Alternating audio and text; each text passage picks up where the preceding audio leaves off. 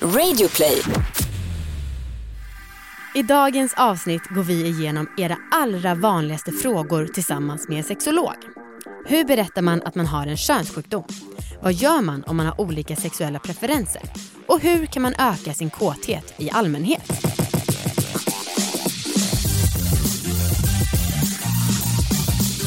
Hej allihopa och välkomna ska ni ni vara vara till succépodden Alla våra ligg. Det här är en podd om sex, sexualitet och om att äga sina val. Du heter Anna, jag heter Amanda. Ja, det stämmer. Ännu ett avsnitt hör du. Ja, det är dags och idag ska vi snacka om sex så det står härliga till, till skillnad från vanligt. ehm, och sex har ju en del med skam att göra, eller mycket problematik kopplat till sex har med skam att göra, tycker i alla fall jag. Mm, jag håller med. Och apropå skam så måste jag berätta en asknäpp grej som hände mig när jag gick i grundskolan. För när jag gick i trean så gick jag i Montessori-skola och det var kanonbra tycker jag. Men då så var det så här att en tradition vi hade var att på fredagssamlingarna då så fick man ta upp folk eller ge dem publikt beröm. Så om man tyckte att en klasskompis hade skött sig dåligt då skrev man upp det på en liten post-it, satte den på en antecknings eller vad heter det, sån korktavla, Ja. eh, anslagstavla. Och sen på fredagssamlingen då fick man sa läraren, okej Amanda, varför, vill du, varför har Anna varit dum den här veckan? Och så berättar man det publikt för hela klassen. Det är så sjukt. Och det här var ju så himla effektivt för att alla var ju livrädda för den publika skammen. Ja. Men Och då var man, den som var dum var tvungen att komma upp då på scen? Ja, eller liksom vi satt i ring och så fick väl den sitta där och rodna typ. Eh, alltså, det var så jäkla knäppt och det var ju alltså, ja, som sagt jävligt effektivt för man vill ju aldrig bli upptagen. Nej. Och jag var framförallt livrädd en gång när jag råkade gå in på en tjej på toan som inte hade låst dörren. Mm. Och då var jag så rädd hela veckan att hon skulle ta upp mig för att jag hade öppnat dörren. Ja. Alltså fy fan, vilken jävla rädsla. Ja, jag vet. Och hon var säkert rädd för att jag skulle ta upp henne för att hon hade glömt att låsa dörren. Ja, Ja. men det var, ah, gud. ja men sinnessjukt system. Ja. Alltså så vidrigt. Ja. Men jag måste också berätta en sak som handlar om toalett och skam. Ja. Ehm, och det var, alltså kommer du ihåg att man alltid var tvungen att ta av sig skorna när man gick in i gympasalen? Oavsett om man skulle ha en samling, alltså Aha, ah, ja, men säkert. ja. Ehm, och då var det en gång vi hade haft någon samling, jag vet inte om det var en skolavslutning eller vad det kan varit. Ehm, och då var det några dummisar som hade tagit mina och två andra eh, pa, eh, personers skor och Okej. lagt dem i toaletten. I toalettstolen? Mm, och Va? spolat. Mm. Så jag var tvungen, jag hade inga skor. Eh, så vi fick eh, använda en, en lärares skor för att ta sen. Så förnedrande, fick Mm. ni reda på vem det var sen då? Nej, Va? Jävla idioter. Ja. Oj, oj, oj. oj. så jävla taskigt. Usch. Åh. Mm. Ja, härligt med lite ilsken nostalgi hörru du. Ehm, men det här avsnittet som vi ska ha idag, det tycker jag ska bli jätteroligt. För Mm. vi ska prata om era vanligaste frågor. Mm. Och det är inte bara vi som ska sitta och gissa som kreti och pleti, utan vi ska ha med oss en riktig expert i form av sexologen på RFSU, Susanne Larsdotter. Välkommen! Välkommen! Hej Susanne! Tusen tack! Ja, tack! Hej! Du ser chockad ut. Ja, jag brukar inte få applåder sådär så att det, det- var lite privilegierat. Ja, visst. Men vi är så nöjda med att ha dig här. Alltså jag sa det till dig när vi sågs idag, att eh, det känns som att vi känner varandra Ja. så himla bra. För att vi pratar alltid om dig och liksom, men det känns som att vi, jag vet inte, som att vi följer varandras fotsteg på något sätt. Ja. Ja, Ja. Och du vet att vi i vår bok också har vi till och med skrivit om dig. Eh, för då så pratar vi om att vara porrskadad och penetrationsnormen. Och att en gång när vi sågs på något event så sa jag till dig, oh, jag, har en porr, jag har en dröm om att jag ska kunna komma så fort min kille tränger in i mig. Och då sa du bara, haha, glöm det. och det var så jävla bra. Jag gillar inga sådana mesiga lagom svar. Nej, Utan man vill ha lite pang på info. ja. Ja det var toppen citat. själv känner jag liksom, ja, man hade ju kunnat uttrycka sig kanske lite mer. Eh, Nej, ibland behövs det lite Ja. så hårda, ja. Du kände att jag klarade av det och det ja, gjorde det jag. låter bra. Vi kör. Ja, Ja. Okej, en av de vanligaste frågorna vi får är Jag blir obekväm av att min partner kollar på porr. Vad ska jag göra? Ja. Och jag tänker att blir man obekväm av att partnern kolla på porr så måste man fundera på vad är det som gör mig obekväm? Mm. För det kan ju vara en rad olika saker. Vissa tycker inte om att ens partner onanerar själv. Eh, andra tycker att eh, det är ett sätt att titta på andra personer på ett sexuellt sätt som inte känns bra. Eh, andra tycker eh, att porr i sig är dåligt och att man inte vill stödja den industrin. Eh, det kan också vara så att man tycker att man varför prioriterar att titta på porr medan vi har sex så himla sällan. Mm. Så det kan bero på en rad olika saker. Jag tycker att det är viktigt att se, fundera på varför jag tycker att det är jobbigt Mm. att eh, min partner kollar på porr. Mm. Och eh, utgå därifrån. Va, va, vad är det som jag tycker att är jobbigt? För att bakom det här ligger så otroligt många olika saker och när jag möter det här i samtal så tänker jag just det eh, att det är viktigt att utforska för att det, det här är en ganska vanlig sägning men det ligger ganska mycket olika saker bakom. Ska man prata med sin partner, den som kollar på porr? Eller, och hur ska man prata med den då? Ja, jag tänker väl att det är en bra sak att prata om det om man känner att det finns ett behov av det. Vissa Ja. personer tycker ju att Nej, men alltså, jag kollar på porr ibland och onanerar, min partner gör det och det är fine. Ja, då behöver man ju inte prata om det. Men känner man att det, är, att det på något sätt eh, är någonting som jag verkligen vill prata om så tycker jag absolut man ska göra det. Eh, och komma överens om hur ska det se ut i vår relation. Däremot så kan jag tycka att det är lite problematiskt om eh, man börjar hindra den andra till sitt eget sexliv så att säga. Eh, att eh, man säger till partnern att jag tycker inte att det är okej att du onanerar och om partnern eh, faktiskt känner att jag har ett behov av att också eh, ha mitt eget sexliv så, så kan det ju ställa till det i relationen. Men Mm då kanske man också behöver söka hjälp och prata om det här tillsammans med någon annan. Det kan ju vara så med olika situationer att någon kanske har ett behov av att flörta mycket och det tycker inte den andra är okej. Alltså så kan det ju vara i andra situationer än bara porr. Liksom. Absolut, så är det Ehm, så. Men då får man väl försöka snacka med varandra och komma till någon lösning ihop. Ja, jag tror att det är bra att, eh, att liksom, och också avdramatisera. Liksom. Men vad betyder det för mig, vad betyder det för dig? För att ofta när man pratar om det här så märker man att oj, jag hade lagt in en annan betydelse i det här än vad, hur du ser det. Så att, eh, att försöka vara lite open-minded och faktiskt lyssna på partnern. Vad är det som jag får ut av det här? Men också kunna uttrycka, alltså jag är rädd för att eh, porren gör eh, att människor far illa så att jag vill verkligen veta eh, att du tittar på porr som jag känner att det är schysst producerad eller sådana Ja, saker. Mm. Så det, det är jätteviktigt att prata om vad det är som ligger bakom. Mm. Bra. Och hur kan man ta upp det då om man, tycker, om man inte är så bekväm med att kommunicera?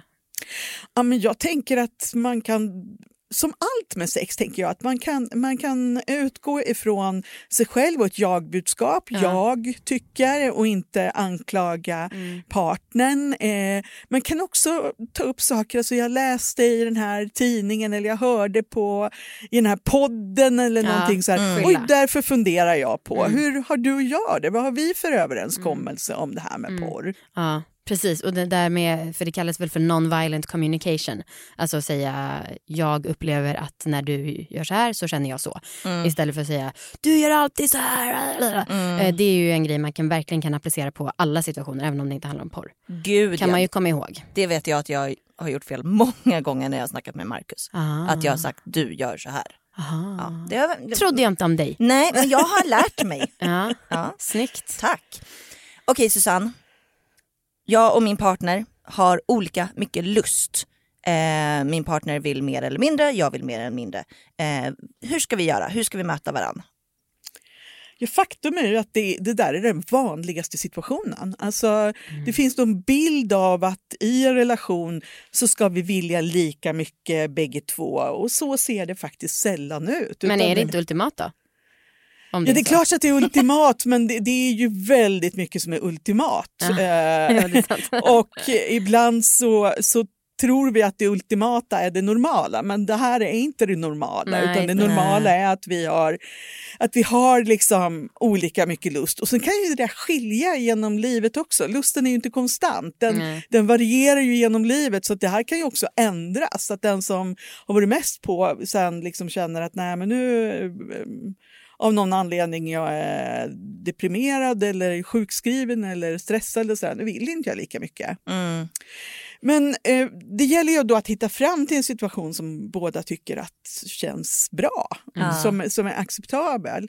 Eh, och någonting som eh, är någon sån grundtanken då, det är ju att vi kommer inte kunna förändra vår partners lust. Mm. Utan vi kommer framförallt bara kunna jobba med oss själva. Mm. Eh, och vill inte partnern jobba med det här, ja, då kan vi inte göra så himla mycket. Sen kan vi ta konsekvenserna av det, men partnern måste själv vilja eh, göra jobbet som det innebär att öka lusten. Att ställa upp utan att man vill, det eh, lönar sig aldrig. Det blir oftast dåliga konsekvenser i längden på det. Ja, okej. mm, jag tänkte faktiskt fråga om man bör ställa upp för sin relations skull. Jag eh, tycker det är min relation. Jag tycker inte att andra behöver göra det. Men jag tycker att jag och Viktor ska göra det för varandra. Ja, alltså jag... Ja, fast det gör ju inte, det är inte, gör ju inget under för kåtheten direkt. Att man känner att någon ställer upp. Ehm, men, men jag, jag menar det att- finns ju en, en liten gråzon där i, i formen att ställa upp. Ja, för att ibland så um, alltså blir man ju också inte, kanske blir, man blir, blir kåt när sexet väl är igång. Ehm, och jag hoppas verkligen att ni tolkar mig rätt nu för jag vet att till exempel eh, Lojsan i Måndags Vibe, Mm. hon fick väl asmycket skit för att hon sa att man ska ställa upp på sex. Eh, jag tycker kanske inte att det är en allmän rekommendation som du säger Susanne, men jag och Viktor tror jag. Ja. Mm. Jag skulle, jag skulle Ja, nog säga att man, eh, för mig skulle jag kunna tänka mig att ställa upp att, ehm, att i alla fall ha en möjlighet att det blir av. Ja, precis. Alltså att man eh, liksom ställer upp så här, men jag viger min tid Mm. åt dig. Det är Mm. kanske det, jag tänker det, att man ställer upp på Ja, det sättet. det, det är bra och sen så får man se vad, vad det blir av. Liksom, om Mm. det kom, Inte bara att man lägger sig på sängen och bara okej ta mig då. Ja, Ja, nej, så kanske jag inte tycker riktigt. nej det tror inte jag heller.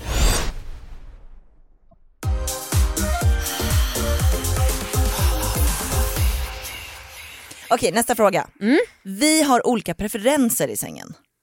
Hur ska vi eh, lösa den situationen? Och det är lite samma sak där också, Mm. att, att det är det är jätteviktigt att eh, kommunicera sina behov och för faktum är att det är väldigt många som inte ens har pratat om det här. Jag brukar ibland dra den här tröttsamma historien om paret som hade delat en, en eh, sån här fralla, en sån här bulle liksom. Va? Det här vet jag inte. Nej, okej. Ja, men alltså det var ett, ett gammalt strävsamt par som hade delat en sån här frukostfralla eh, i alla år. Och, eh, den ena hade gett liksom, överdelen till den andra och den andra hade gett underdelen till den andra trots att båda två eh, egentligen ville ha den som de gav bort men de gjorde det av kärlek till den andra. Liksom. Och så märkte de efter 20 år, de hade börjat prata om det här, att de eh, egentligen hade velat ha den här, eh, liksom, båda två hade velat ha den som de hade gett bort men de hade liksom inte pratat om det här. Och faktum är att jag tycker att jag märker det i eh, rummet med Ah, okej. personer ibland, att det handlar om att man inte har kommunicerat. Mm. Och därför så, så gör jag ofta en sån här ja, nej, kanske-lista Ah. när jag möter par där de var och en för sig får skriva upp, eh, de ska komma på alla sexuella praktiker som de bara kan. Ja. Så skriver de upp det på en lista och sen så går de var och en för sig, om det då är en tvåsam relation, och fyller i ja, det här vill jag prova, nej, det här vill jag inte prova och kanske mest av allt intressant, kanske-listan. Ja, men det här vill jag prova under de här omständigheterna och om vi tar det väldigt försiktigt eller jag kan vill prova det här en gång eller sådär. Fy fan vilket bra tips. Ja, konkret, jag älskar konkreta saker. Fy fan vad bra, lätt och konkret. Och sen får man titta på, liksom, prata om de här listorna tillsammans, men det viktiga är att man gör det själv först. Sen kommunicerar man de här med varandra. Mm. Och vid nästan varje tillfälle som jag har gett det här uppdraget så kommer de och säger så här, det här hade jag ingen aning om. Fan vad coolt! Mm. Att du ville. Om någon behöver tips på saker som man kan göra så kan man gå in på vår hemsida för där under veckans sexläxa, där har vi skrivit ner alla veckans läxor. Just det. Vid allavaraligg.se om man kanske har svårt att komma på praktiker själv. Mm. Just det. Mm. Smart. Får jag jag bara ställa en eh, personlig fråga? Eh, för att jag eh, som har med det här att göra. För att jag upplever så att jag kanske har sagt till Marcus, min kille, så här, olika fantasier jag vill liksom göra och testa och så. Men jag upplever kanske inte att han har kommit med någon fantasi direkt. Eh, och det tycker jag också blir ganska svårt, att om man är en person som vill liksom, testa olika saker hela tiden och vill liksom, utforska väldigt mycket och så den andra personen är mer nöjd liksom, med standardläge, mm. då kan det bli ganska ojämnt. Det kan det bli. Å andra sidan så kan det vara så att personen eh, lever på dina fantasier och tycker att det är jätteroligt att det är någon som drar. För ibland mm. i en relation kan man också vara en som drar och den andra som är mer follower. Sen kan ja. ju det där förändras. Men det betyder ju inte att inte han kanske tycker att det är jättehett när du kommer upp med de här fantasierna. Sen kan man ju också försöka fråga, men finns det ingenting som du någonstans mm, har drömt mm. om att göra? Eller sådär. Mm. Samtidigt så måste jag då utfärda en så här liten varning. Så här, att, eh, när man berättar om sexuella fantasier för sin partner eh, så kanske man inte ska berätta alla. Utan, nej, för ibland blir det så att partnern bara är du helt sjuk i huvudet? Oj, det blir så? Ja. Så att, alltså, man får känna sig för. Jag tänker att det går ju bra att liksom börja tisa någonting liksom, lite ja. grann. Att, att eh, ja, men så här, och se hur personen reagerar. Ja. För att det är ju inte heller så att alla sexuella fantasier vill vi förverkliga i Nej. verkligheten. Det är ju väldigt mycket fantasier som inte ens kanske skulle vara lagligt eller uh. lämpligt eller sådär. Och det kan ju fortfarande få vara fantasier men vi är så väl medvetna om att det här eh, skulle jag kanske inte realisera. Mm. Eller sådär när vi har sex så ligger jag och tänker på den här andra personen. Ah, kanske inte heller det allra bästa att berätta huh. om alla gånger. Nej, just det Amanda. jag säger det här till min kille hela tiden. Eh, men du, hur lång tid tror du innan det tar innan det kommer en term för att ha en fetisch som handlar om corona? Nej men det finns redan på Pornhub såg jag. Nej. Jo, ja, en film jo, om... det såg jag. Ja, ja, ja. ja. Så just det... det... Old news. Ja, mm. faktiskt. Eh, Okej, okay, då vill jag säga, ställa en annan fråga som har med helt annat att göra. Kan man bedöva fittan eller förstöra klitoris med Satisfyer? Nej, inte om man följer de instruktioner som finns i, eh, det finns någon sån här bipacksedel mm. och då står det att man inte ska hålla på längre än 30 minuter i taget. 15 tror jag till och med. 15 till och med, ja. Uh. Och då bör man väl kanske följa de reglerna. Mm. Sen brukar såna här riktlinjer alltid vara eh, överdrivna. Ja, överdrivna. Ja. Lite som bäst före typ. Ja, ja. så att jag tror nog det är ingen fara. Alltså man behöver Men vad inte... är det som händer? För vi har fått ändå flertalet mejl från personer som skriver att oj hjälp jag har ingen känsel nu. Nej. Alltså vad är det som händer rent fysiskt i könet? Ja, men alltså, man kan ju bli lite bedövad för mm. man har ju liksom stimulerat nerverna så man kan ju bli lite bedövad en stund efteråt men det där går över, det tar högst ett dygn och jag har verkligen tittat på, mm. för jag har fått den här frågan själv också mm. så jag har mm. verkligen tittat på forskning. Det finns ingenting som säger att det här skulle vara någonting som håller i sig en längre tid eller så här. Man kan bli Nej. tillfälligt lite bedövad men det är liksom ingen fara och det här, de här tankarna har funnits så länge sexleksaker har funnits. Ja. Eh, alltså jag började med sexleksaker i början på 2000-talet och sälja och, och sådär.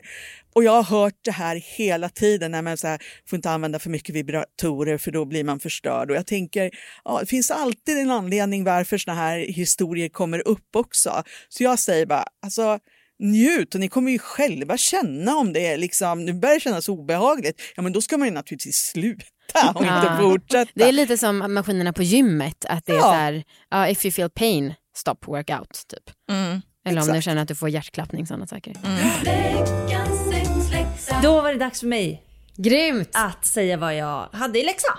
Och berätta hur den gick. Mm. Jag skulle ju göra en, heter det? En sån Trestegsraket. Tre, trean, liksom. Hattrick, heter inte det? Mm. Eh, jag skulle ju ha en buttplug. Yes. Samtidigt som. som jag smekte klitoris och hade något på G-punkten. I Just G-punkten. det. I fittan. Ehm, jag har inte klarat det. Okej. Nej. För att du inte har försökt? Jo, men alltså jag har halvt klarat det. Aha. Men jag skulle vilja ha en vecka till på mig. Okej. Men ska jag berätta hur jag halvt har klarat det? Ja, absolut. Ja, eh, och det är att jag har haft en buttplug i mig. Ja. Ja, app- Ja men, det, applåder! ja men vad fan. Hur många gånger ska man göra något? Hur många gånger kan det vara en nyhet? okej. Nej okej. Nej men jag har testat en buttplug. Ja. Och ehm, det var... mm, Det var så, det gick helt okej. Aha. Alltså för att jag vet inte om jag var kanske lite för ivrig eller lite för snabb. Det liksom gick inte in. Aha. Eh, Du gjorde inte det knippet med att onanera först, eller komma först? jo, men jag tyckte att den var seg liksom, All right, på att komma ja. in. Så den kom in liksom typ en centimeter. Aha. Alltså bara tippen liksom. ah. Trots det, Ja. världens orgasm. Nej men vad Ja! är det? Nej men, Oj, vad, gud nu blev min katt helt rädd för att jag nej, men vad, i vad är det med analen som gör att man får så jävla Ah. starka gud, orgasmer? alltså jag blir så inspirerad nu Anna. Jag längtar tills idag när vi slutar jobba och innan Viktor kommer hem. Ah. Samtidigt, så ärligt talat, så känner jag mig lite... Usch, och det här skäms jag över att jag känner, men jag känner mig smutsig.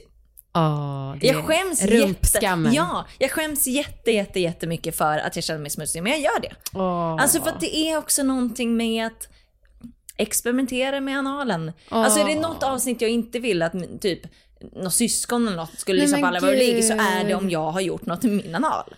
Gud, Kan du jag känna igen det? Fattar. Ja, och också om du känner så så kan du ju förstå hur våra lyssnare känner. Jo, Vilken tack. otrolig Ah. psykisk störning eller vad man ska säga som Ah. ligger hos oss. Samtidigt som jag, Shit. när jag väl gör det så tycker jag att det är asnice. Ja.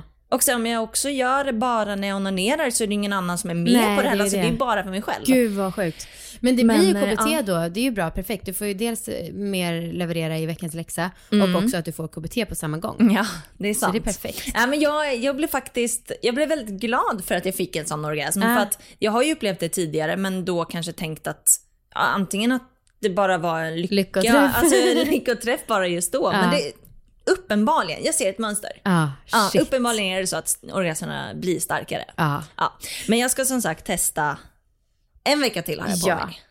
Och Eh, testa trestegsraketen. Perfekt. Eh, jag måste bara berätta också vad eh, en person skrev till mig efter att jag berättade om ägglossningen förra veckan. Ja. Eh, gynekolog-Oskar, han var ju med oss för typ två månader sedan i ett avsnitt Mm. och liksom berättade lite om hur det är att gå till gynekologen. Och det var ju ett jätteuppskattat avsnitt Mm. Ja. och han var så himla gullig för han skrev efter att jag hade pratat om ägglossningen så skrev han så här det gör mig ledsen att höra om din ägglossningsstress. Ja. Kan jag få skriva till dig det som jag brukar säga till mina patienter? Och jag bara, men gud, jag gärna. Och då skrev han så här, alltså det övergripande målet är ju ändå att man ska vara avslappnad kring det. Det är ändå en press att gå och vänta på sin mens i slutet av cykeln. Och då tänker jag att man ska försöka att inte ha samma superpress i början av cykeln med själva sexet. Forskningen talar för att varannan dag är bäst för att mannens, mannens spermier ska hinna produceras. Och jag tror också att sex varannan dag kan vara någonting som är lagom för det mentala. Att försöka ha sex varje dag gör att många känner en sån sjuk press och det blir det där som jag beskrev, bara kom till mig nu eh, i Ja, slutet av ja. sexet. Eh, så det blir bara prestationssex. Jag brukar också säga att man ska skita i ägglossningstester och bara köra varannan dag fram till ungefär förväntad ägglossning. Och så kanske man kan ta på någon dag bara av farten. Sen finns det forskning som tyder på att man har lättare att bli gravid om man får orgasm först, alltså kvinnan. Inte för att man ska känna att om man inte kommer så kan det inte bli graviditet ändå, för det verkar ju lösa sig med ungar på 50-talet. Men ändå, det är en grej som kan göra sexet lite härligare. Sen så ska man inte känna press på att man måste komma för att det ska gå, men den pressen ligger ju tyvärr hos sin kille. Eh, ja. Eh, Fy fan vad ja, men jag blev så himla, Vad fint jag blev helt rörd alltså. Ja. Det var så jävla gulligt. Ja, men Eh, gud, vad fint. Så att nu bara varannan dag. Ja. Ja, skönt. Ja, nej men det är jättefint. Mm. Ehm, men du, jag ska ge dig en läxa. Nej, för du vill ju ha läxan en vecka till. Ja men just det. Ja. det är bara att gå på det automatik. Förlåt. ja, som sagt, jag vill ha det en vecka Ja. till. Mm. Eh, men jag ger dig en läxa. Och det levererar veckans sponsrade meddelande. Ja, ja. Det får du göra Så- nu. Ja, Okej. Det här sponsras av oss själva, Ja. alla våra ligg. Nu igen. Mm. Och det är för att vi har merch som vi har glömt att berätta om i podden. Ja. Alltså det här är så sjukt. Vi har tryckt upp jätte, jättefina plagg Ja. som en kompis till oss har designat och som vi då har tryckt upp hjälp med med hjälp av ett tryckföretag. Ehm, och vi har två t-shirtar och en tygpåse. Tygpåsen står det äg dina val. Varför ser du tveksam ut? Det är ju vår slogan exakt. Ja. det gör det. Och på t-shirten så är det, dels så är det vårt slicktecken. Mm. Och dels, Fast tecknat alltså, inte ja, precis. riktigt. Och sen är det en tecknad stilistisk fitta skulle ja. jag säga. Väldigt eh, clean. Ja. Och eh, vi har lagt upp bilder på Instagram och vi har sålt en del mm. eh, genom Instagram men eh, nu tänkte vi att vi måste ju prata om det i podden också. Verkligen. Ja. Vi har bilder på allas på allavaraligg.se slash shop. Ja. Mm, så att man kan gå in och kolla på bilder där vi har på oss dem. Ja. Eh, jag är så jävla nöjd med De är merch. jättefina, jag sitter i en nu. Ja, och det känns så skönt att ha snygga plagg för en gångs skull. Ah. För vi har ju haft merch innan som varit riktigt full. Riktigt full som vi liksom har nästan gett som straff till folk. Ja. Eh, men eh, men eh, det var någon gång för några veckor sedan på Instagram någon skrev att det sämsta med podden är när ni måste ha sponsrade meddelanden. Och jag fattar det, men så här är det. Om man lyssnar på en podd gratis får man räkna med lite reklam då och då. Tyvärr så var det det ni just fick höra. Ja, jo men så är det ju. Man, man stör ju ihjäl sig på typ eh, tidningar och sånt som har så stängt vissa artiklar. Mm. Men så är det ju, mm. tyvärr. Exakt. Så är livet. Eh, slut på meddelanden. Se fram emot din superorgasm nästa vecka igen Anna. Ja, och tills dess, gå in på allavaraligg.se shop. Vi ska givetvis inte bara prata om fittbärare utan även om de som har en penis. Och vi hade ett avsnitt för ett par veckor sedan om att få tidig utlösning. Och då var det ganska många som hörde av sig och frågade okej okay, tidig utlösning men vi som har svårt att komma då, vi som har kuk, vad kan vi göra? Ja, mm. och det är väl en, också en adekvat fråga verkligen. Mm. Eh, och jag skulle säga att det inte är så himla stor skillnad mellan fittbärare eller kukbärare. Det gäller liksom att förstå sin kropp och vad det är jag behöver för att uppnå orgasm. Mm. Eh, och där är ju onani det absolut bästa eh, tipset därför att de flesta tycker att det är lättast, lättare att komma via onani mm. än vad det är att komma eh, med sex med en partner. Mm. Och då kan man liksom, vad är det jag gör för att jag ska kunna få orgasm när jag onanerar? Kan mm. jag tillföra det när jag har sex med en partner på något sätt? Kan jag instruera partnern att stimulera mig på ett visst område? Kan jag eh, eh, själv bidra med någonting under tiden? Eh, men inte bara det. Alltså, det handlar inte bara om genitalierna, det handlar också om hjärnan och ja. ha det i huvudet. Eh, jag måste också känna eh, att jag kan slappna av, att jag inte är stressad, att jag liksom inte är upptagen, att mina tankar är någon annanstans. Och det är samma sak som med erektionsproblem. Väldigt mycket handlar ju om att eh, stress och press är de sämsta. Liksom. Mm. Och börjar man känna så här, jag tror inte jag kommer att få orgasm eller utlösning nu ja, men låt det få vara så då. Det, ja. behöver inte vara, det behöver inte komma dit. För att ibland blir man inne i en stressperiod och då bara, nu måste jag komma, nu måste jag komma och då kommer man inte. Nej.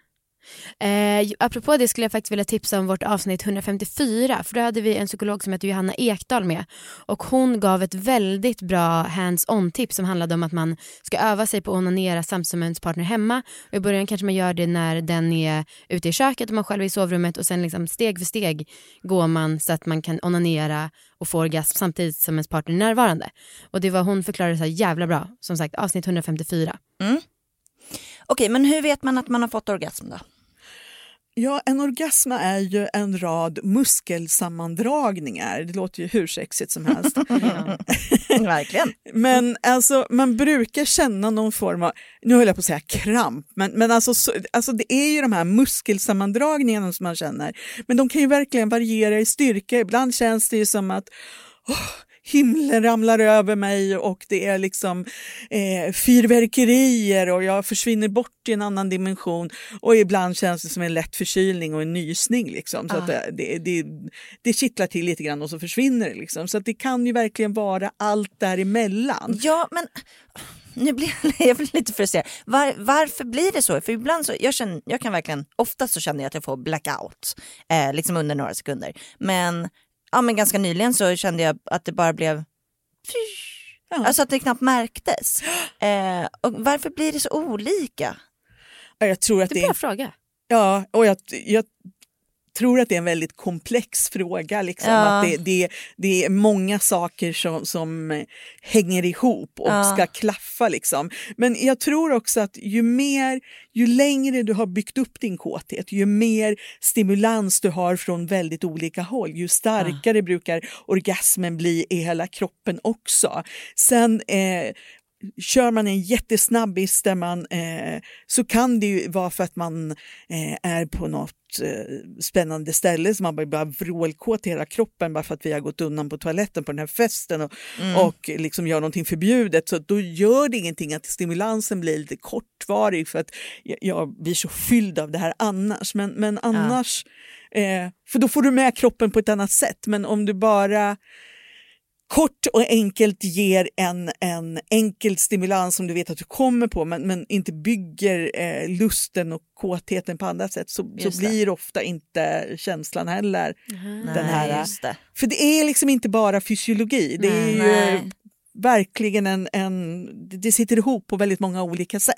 Ja, ja nej, men det är bra, bra Ja, svar. verkligen. Vi får också en eh, hel del frågor om eh, hur man kan bli kåt oftare, att, ja, men från folk som sällan blir sugna på sex. Eh, vad kan man göra?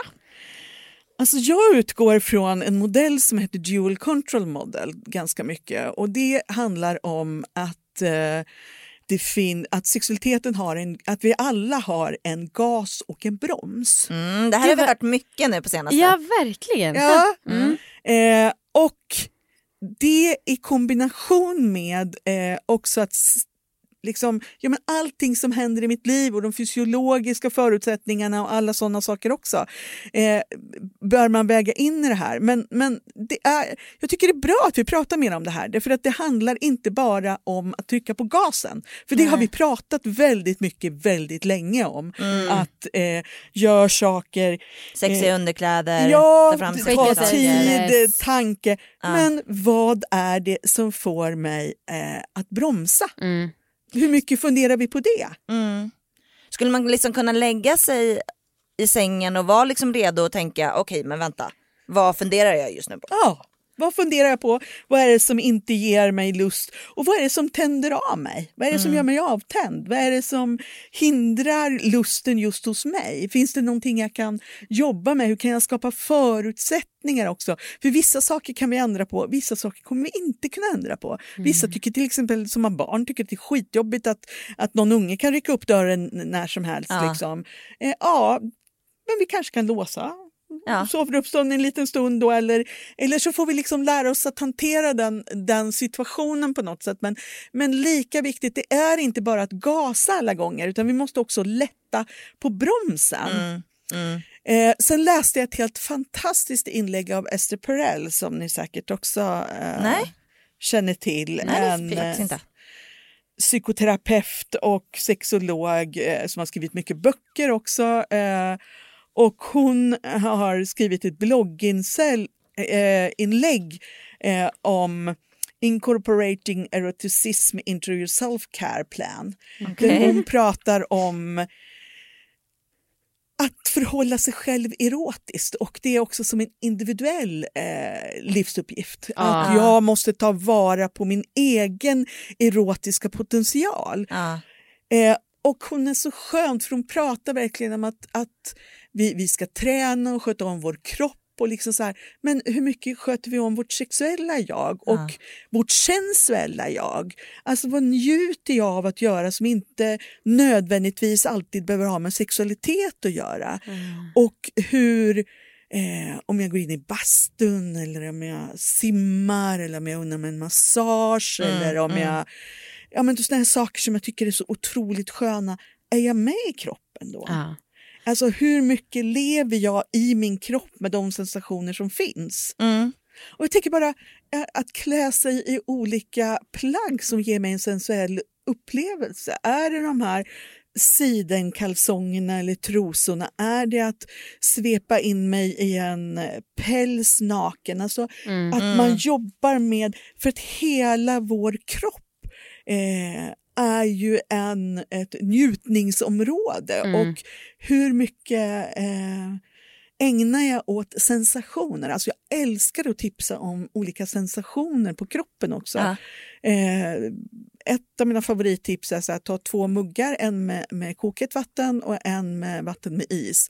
Och sen penslar och sen penslar man varandra med eh, kallt vatten och varmt vatten och liksom Mhm. penslar på olika ställen. Alltså jobba med, smek varandra med olika material. Hur känns det om jag smeker med mormors gamla pälsmössa eller en eh, brödpensel eller såna här saker. För jag är ju så där jätteförtjust i mm, Material mat- ja, uppenbarligen. material och också olika, så här, göra olika saker. Jag brukar, göra så här, brukar genomföra såna här eh, sexleksaks eh, rundturer på olika butiker. Liksom, Ja. så här, allt från Ikea till Biltema beroende på hur kinky man är. Liksom. Och se potentialen i olika saker Ja. och material.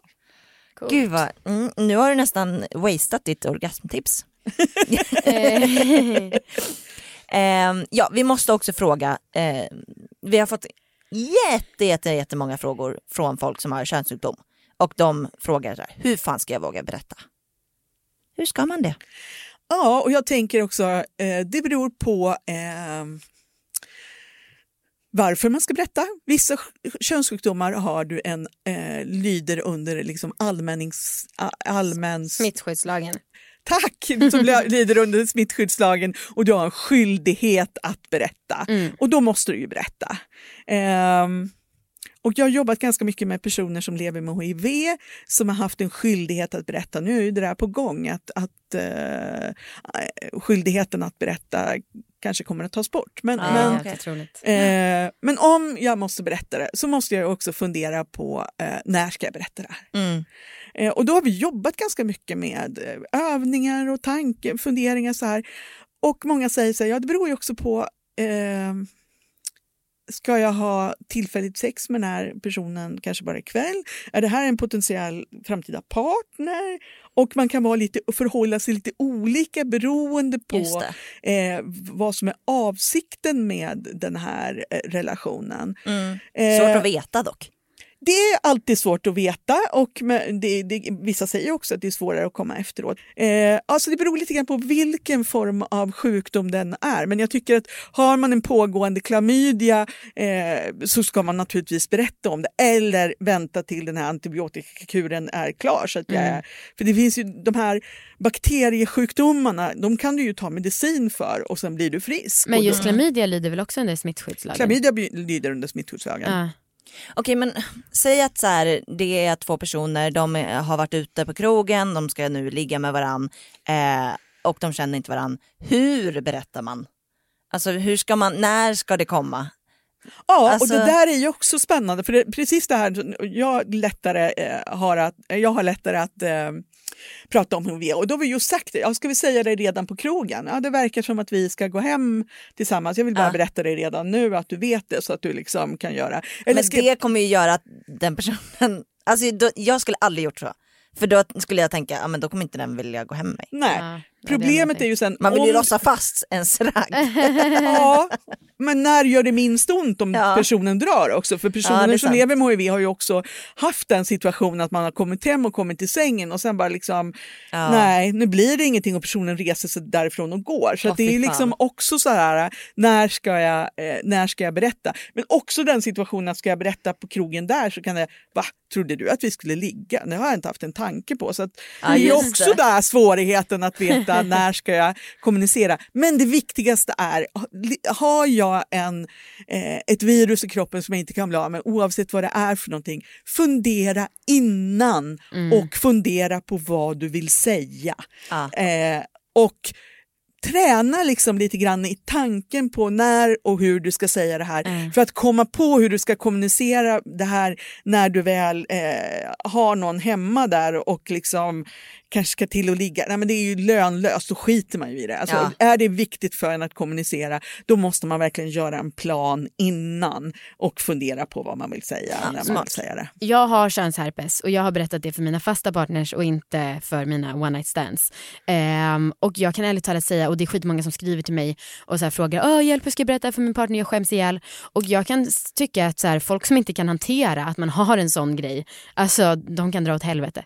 Ja, och det finns inte heller någon... Alltså det här är ju också så här, du har ingen skyldighet att berätta att du har Nej. herpes. Och alla, det är också upp till var och en eh, att ta ett ansvar. Jag brukar säga att det är 100% ansvar när två ligger, eller tre ligger. Det är liksom 100% ansvar på alla. Man kan inte säga att det är bara någons ansvar. Och herpes är också så här att du kan ha det här och inte ha några symptom. Så Ja, du kan aldrig exakt. veta helt Exakt. att du har det. Så att det är...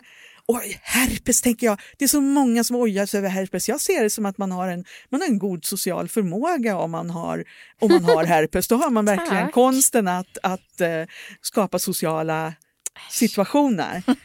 Men jag har också herpes. Ja, bra Anna! Ta till dig av berömmet. Eh, nu måste vi avrunda och därför frågar vi frågan. Vad har du för orgasmtips?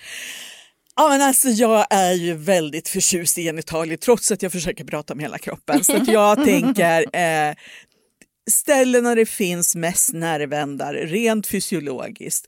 På ollonet och gärna eh, liksom ner mot strängen sådär om man har en kuk. Eh, på ollonet om man har en klitoris. Eh, och mitt extra tips vad gäller klitoris det är ju det här att runka skaftet också. Stoppa in tummen och pekfingret till klitoris och känna skaftet som går in i kroppen liksom lite nedanför den synliga delen så kan du alltså få tag i klitoris skaft och runka det precis på samma sätt som man runkar en kuk. Åh, jag har så svårt att... Jag vill inte bli runkad. Eh, men du, har du hört talas om livmodertappsorgasmer? Ja, Tror du på dem? Nej. Nej, okej. Åh vad skönt. Ja, tack Susanne Susanne. Larsdotter för att du kom hit idag. Det var jättebra. Tack för att ni har lyssnat allihopa och hej då. Hej då!